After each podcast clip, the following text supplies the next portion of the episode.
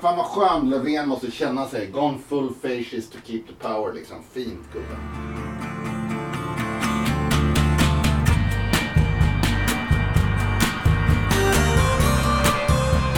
Fosterbarn, arbetarklass, svetsare, solidariska med internationell solidaritet, socialist och fascist. Varsågod grabbar. Fan vad fint det måste kännas hela vägen hem till statsministerbordet.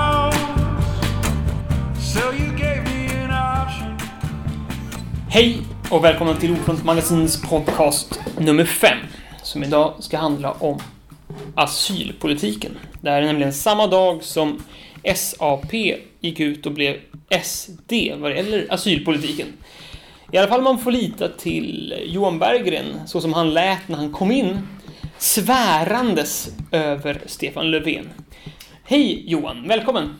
Tack så mycket. Det är trevligt att få vara här vår egen podd. Varför är du så arg? Ja, det är så att det många har befarat att Socialdemokraterna nu, liksom Moderaterna tidigare, har anammat Sverigedemokraternas problemsyn och lösning på Sveriges problem. Eh, Och det är nämligen den att tydligen är asylinvandringen den stora frågan.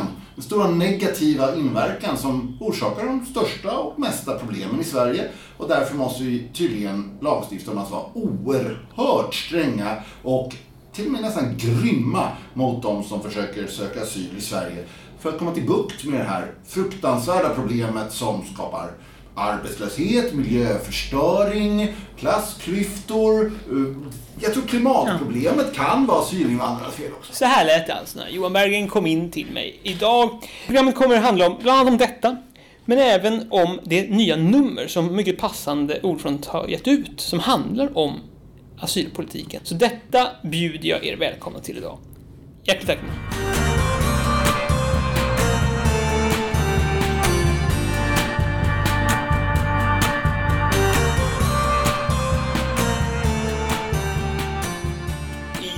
Är ute nu, det är liksom första steget i den här serien utav granskningar av asylpolitiken som Ordfront planerar att göra Ja, med hjälp ja. utav den här kickstarten.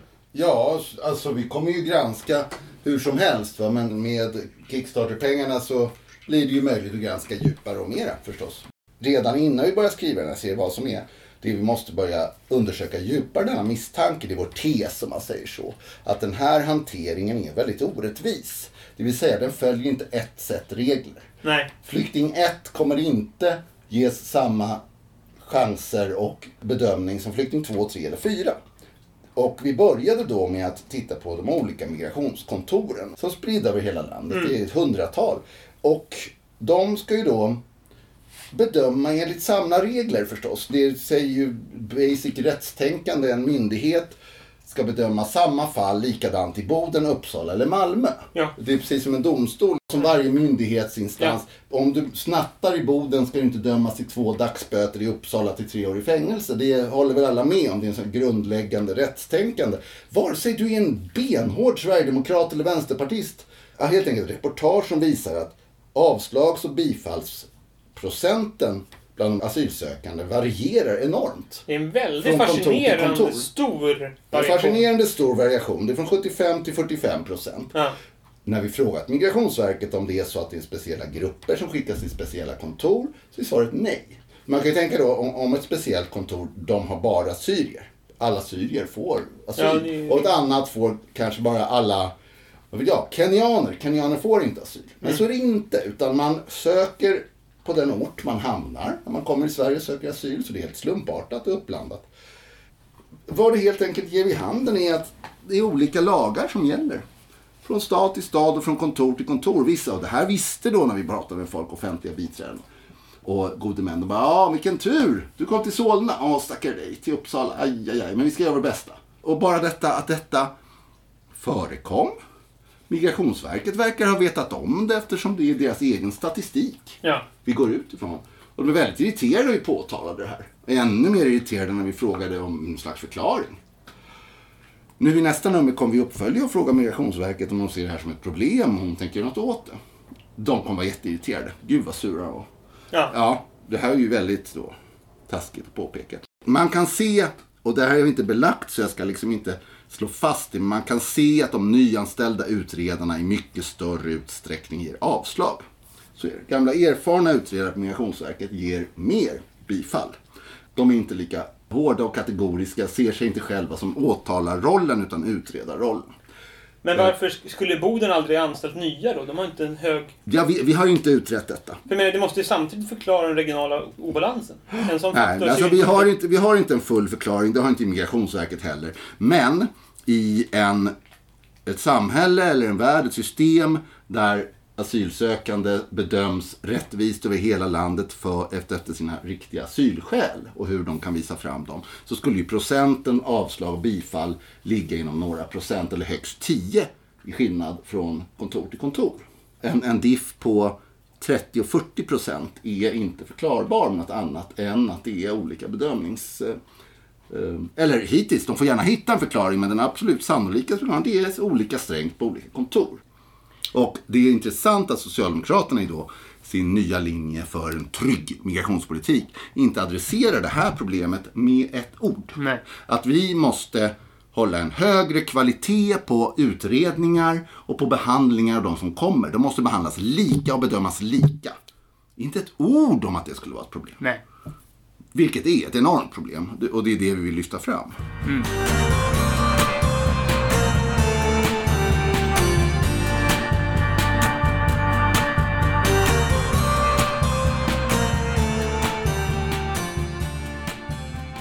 Trygg migrationspolitik för en ny tid.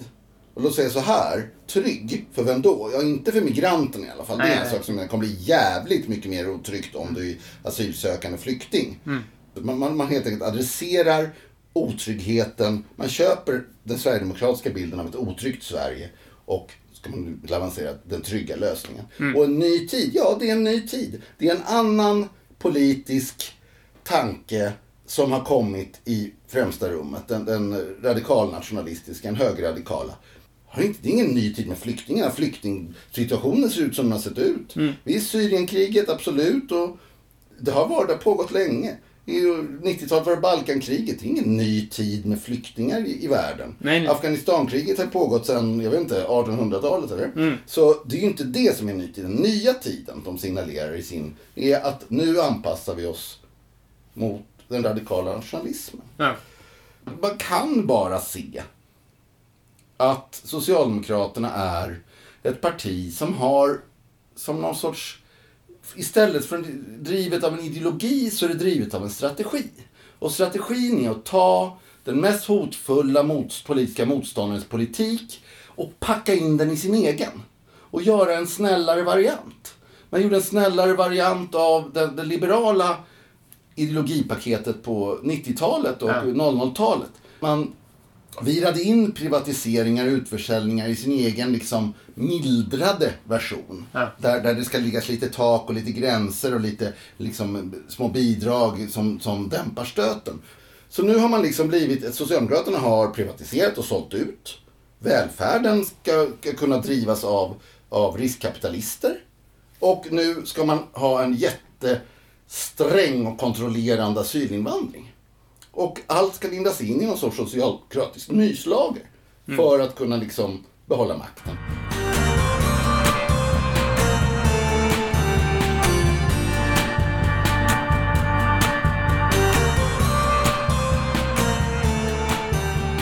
Den tillfälliga lag från 2016 som nu ska kallas den nya lagen. Då har vi nu ett en, en, en lagsystem som gör att även om du får asyl i Sverige, du, du, du bedöms till slut faktiskt att vara så utsatt där du kommer ifrån att, att du måste få stanna. Så ska det bli jättesvårt här.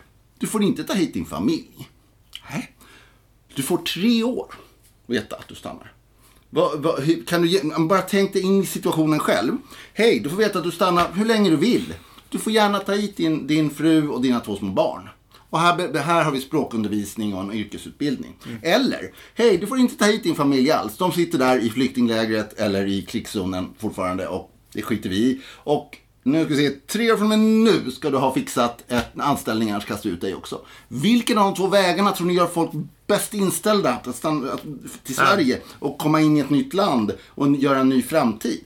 Det är ju helt idiotiskt. Och sen nästa, i nästa andetag så gnäller makthavarna, rika, välbeställda, etablerade människor på att de här människorna är dåliga på att integrera sig. De vill inte integrera sig. De läser in sig i getton. De lär sig inte svenska. Vi måste ställa högre krav på dem. Alltså vi är ett sånt fruktansvärt maktspråk och förtryck så jag blir alldeles ledsen. Ja, det är svårt att ens ha kul i ett sånt här avsnitt. Ja.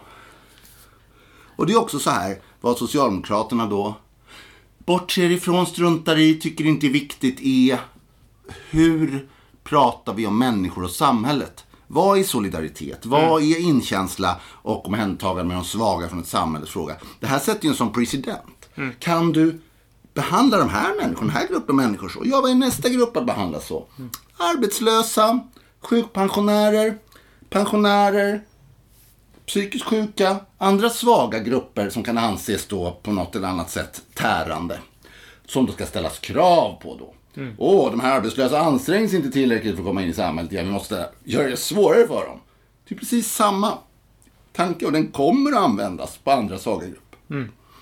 Man kan säga att den faktiskt inleddes innan invandringen mot arbetare. Alltså med Ja, eh, liksom, hårdare krav i skolan, hårdare visst. arbetarna som inte lyckas anpassa sig till kunskapssamhället. Hårdare krav. Hård... Ja. Man kan tänka att det här är en eh, diskurs som etablerar sig långt innan invandraren blir Ja. etablerad som den nya gruppen. Man, men precis, man har den här diskursen. Den är så det bara- förflyttningsbar mellan förfly- svaga grupper liksom, hela ja, tiden. Ja, och ju, fler, och ju mer man har arbetare, ju hårdare man är mot den svagaste gruppen, desto hårdare kan man vara mot nästa och man kan bredda det här begreppet.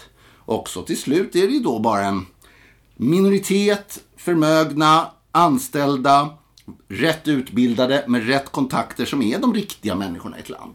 Jag skämmes ta mig fan. Det som är spännande med det här som man nosar på, det är ju faktiskt eh, kopplingen mellan liberalism och fascism. Ja.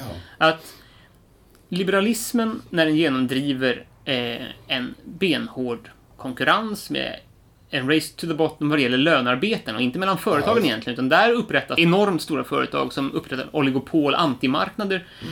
Och att konkurrensen överförs snarare då på arbetarna. När den liberala världen spelar ut sig, så när arbetarna ställs mot varandra globalt på det sättet, Ja. så föder det en politisk reaktion som är väldigt antiliberal i någon bemärkelse. Ja. Men den är född ur liberalismen. Det här är en pardans Ja. som vi ser spela ut oss genom historien om och om igen. Där det är en falsk dikotomi, liberalism och fascism. Är du för det ena så blir du för det andra. Ja. Du driver på den andra av den Jo, men första. alltså, de, här Det är så spännande. de här arbetarnas missnöje måste ju riktas någonstans. Ja, det är klart. Eh, och, och den, Det är det SD, det är det som Ja. skrev i numret för några år det är fascismens paradgrej. Att det, Leverera arbetarrösterna till högern. det upplevs ett missnöje.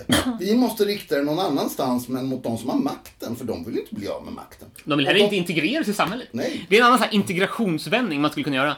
Vilka är de allra mest icke-integrerade människorna i samhället i Sverige visst, visst. Det är väl de som sitter allra mest skilda från andra människor och delar inte alls andras eh, värderingar, lever en helt egen kultur sedan hundratals år Ja. från folket, den stora massan. Det är ju överklassen. Det är ö- en socialdemokratisk politik för integration skulle ta sikte på överklassen. Ja, försöka integrera den Ja, klassen. ja, ja. Bryta Få- upp deras getton, Ja, deras separata skolor. Kanske ge dem en sorts folkbildning i svenska värderingar som inte går ut på att jag har rätt till precis allting och andra ska bara jobba för mig så billigt som I den möjligt. bemärkelsen är jag verkligen för integrationspolitik. Ja, ja. Annars är jag för att det finns ganska mycket separata rum med olika kulturer. Men det känns som en ganska samhällsfarlig eh, segregation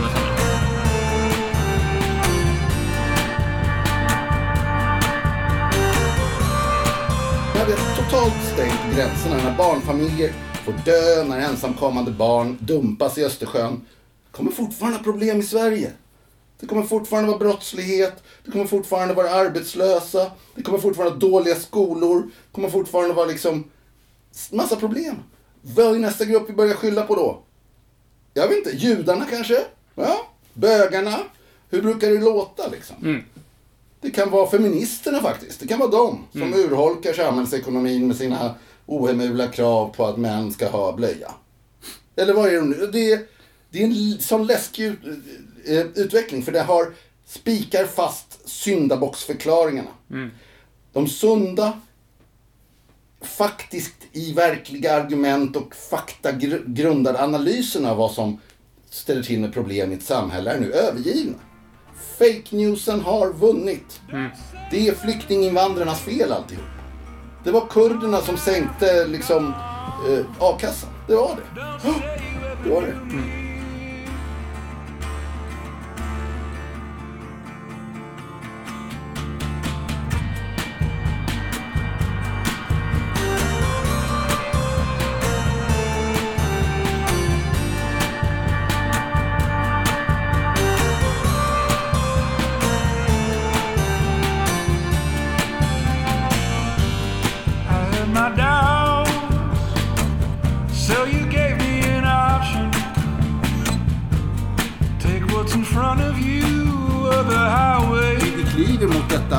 samhälle ledda av en It was socialdemokrat. you Ja, det är exakt det parti som skulle vara förmöget att visa på bryggan mellan alla de här svaga grupperna.